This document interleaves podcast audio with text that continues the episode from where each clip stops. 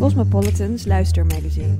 Elke maand drie verhalen uit het magazine om naar te luisteren. Selfcare Game. Waarom sporten niet hoeft te draaien om prestatie. Zeg eens eerlijk, waarom sport jij? Omdat je dun en strak wilt zijn? Of omdat je er blij van wordt? We focussen vaak op de fysieke kant van sporten, terwijl het ook zo chill is voor je geest. Schrijver Tatjana Amouli legt uit waarom het de hoogste tijd is om juist hier de nadruk op te leggen. Zes jaar geleden had ik nog nooit de binnenkant van een sportschool gezien.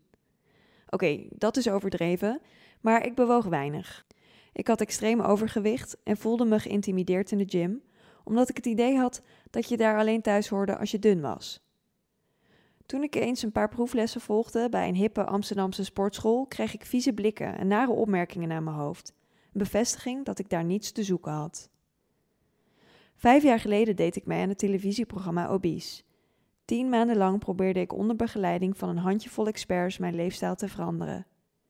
Daarbij hoorden natuurlijk ook sporten, veel sporten. Ik kreeg twee personal trainers die me elke dag, soms tweemaal daags, alle hoeken van de sportschool lieten zien. Kickboksen, hot yoga, zwemmen, hardlopen, spinning, zware krachttraining en veel interval. Ik leerde en deed het allemaal en genoot er zelfs van. Nooit geweten dat ik verschillende sporten zo leuk zou vinden. Ik voelde me energieker, fitter en levendiger dan ooit.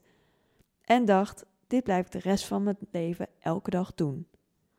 Dik zijn is slecht. In eerste instantie was mijn nieuwe sportervaring dus heel positief. Tot ik mezelf binnen die tien maanden obese verloor in het moeten afvallen. Sporten zag, zag ik op een gegeven moment alleen nog maar als middel om zo dun en strak mogelijk te worden.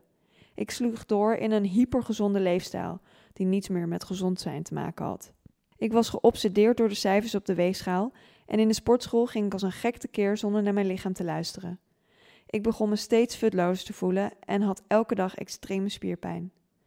Sporten had niets meer te maken met me lekker en goed voelen. Het was een prestatieding geworden, gevoed door onrealistische beelden die ik bijvoorbeeld op Instagram voorbij zag komen.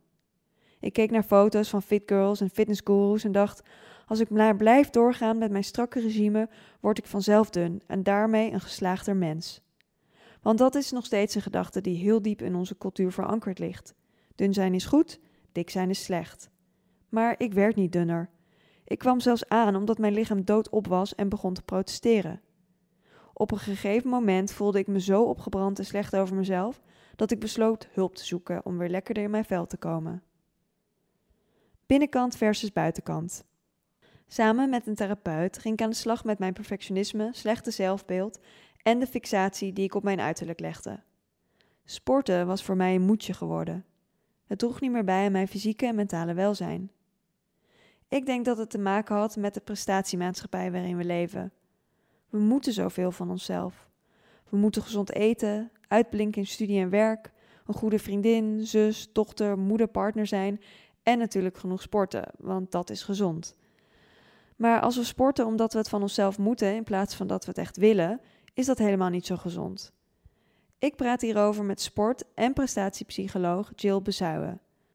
Zij vertelt dat mensen geneigd zijn de focus te leggen op extrinsieke motivatie.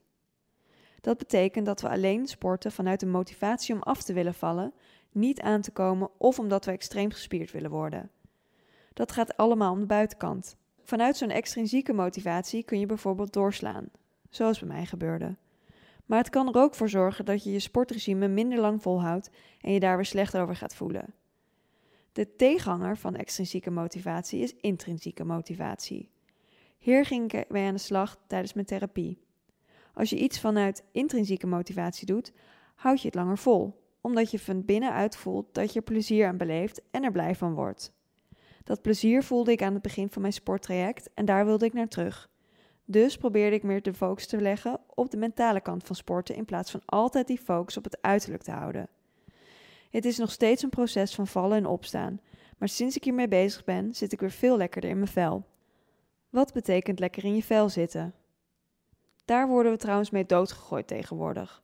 Op tijdschriftcovers en in Instacaptions lees ik vaak: het belangrijkste is om gewoon lekker in je vel te zitten. Maar wat betekent dat nou eigenlijk, lekker in je vel zitten? Na wat rondvragen in mijn vriendenkring krijg ik geen eenduidig antwoord. Het betekent voor iedereen wat anders. Toch is er een aantal algemene delers. Wie lekker in zijn of haar vel zit, voelt zich fit en energiek, klaar om het leven aan te gaan en doelen en dromen na te jagen. Voor mij betekent lekker in mijn vel zitten bijvoorbeeld ook dat ik me minder bezighoud met hoe mensen naar mij kijken. En dat ik me minder vergelijk met anderen, op bijvoorbeeld social media. Ik vraag bezuilen hoe sporten precies bijdraagt aan lekkerder in je vel zitten en wat de mentale voordelen zijn.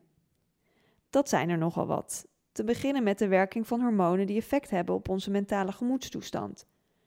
Wanneer je lijf beweegt en je hartslag omhoog gaat, maken je hersenen endorfine en serotonine aan.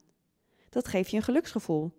Daarnaast maak je minder van het stresshormoon cortisol aan en dat heeft ook een positief effect op je gemoed.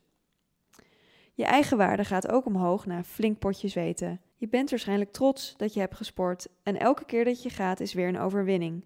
Dit draagt allemaal bij aan een positief zelfbeeld. Bezuijen vertelt dat er onderzoeken zijn verschenen waaruit blijkt dat regelmatig intensief bewegen zorgt voor meer focus, een beter werkend geheugen en meer creativiteit. Er worden namelijk nieuwe hersenverbindingen aangemaakt tijdens het bewegen. En anders denken bevordert creativiteit. Even sporten en daarna brainstormen wordt bijvoorbeeld vaak getipt. Het zorgt ervoor dat je uit vaste denkpatronen komt.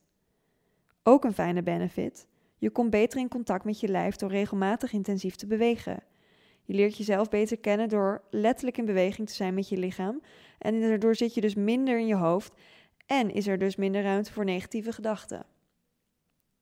We kunnen dus wel stellen dat regelmatig intensief in beweging zijn veel mentale voordelen met zich meebrengt. Het belangrijkste is om te sporten vanuit de intrinsieke motivatie, omdat jij goed voor jezelf wilt zorgen en gelooft dat het je leven leuker maakt. De belangrijkste les die ik de afgelopen paar jaar leerde: vind uit welke sport of bewegingsvorm jou en daarmee je lijf blij maakt. Er is zoveel om uit te kiezen, misschien ga je net als ik heel goed op variatie. Ik probeer elke dag naar mijn lijf te luisteren. Waar heb ik nu behoefte aan? Soms wil ik ochtends vroeg sporten, maar moet ik juist een uur langer in bed blijven liggen om wat slaap in te halen. En soms heb ik gewoon geen zin. Maar weet ik dat als ik wel de sportschool inga om met gewicht te slepen, ik me beter ga voelen. En nog een les die ik leerde: je hoeft dus niet altijd alleen maar los te gaan in de sportschool. Varieer ook met minder intensievere vormen van beweging. Zo kwam ik erachter dat mijn lijf snel vermoeid raakt van alleen kracht- en cardiotraining. Daarom wissel ik die af met yoga-oefeningen en lange wandelingen buiten. Zodra je sporten als deel van je self-care game ziet, gaat het vaak ook makkelijker en leer je jezelf en je lijf beter dan ooit kennen. En dat, dat wens ik iedereen toe. Meer van Cosmo luisteren? Check ook onze podcast. In onze podcast Weet ik Veel gaan Cosmopolitan Josephine en Esther op zoek naar antwoorden op al jouw Weet ik Veel vragen.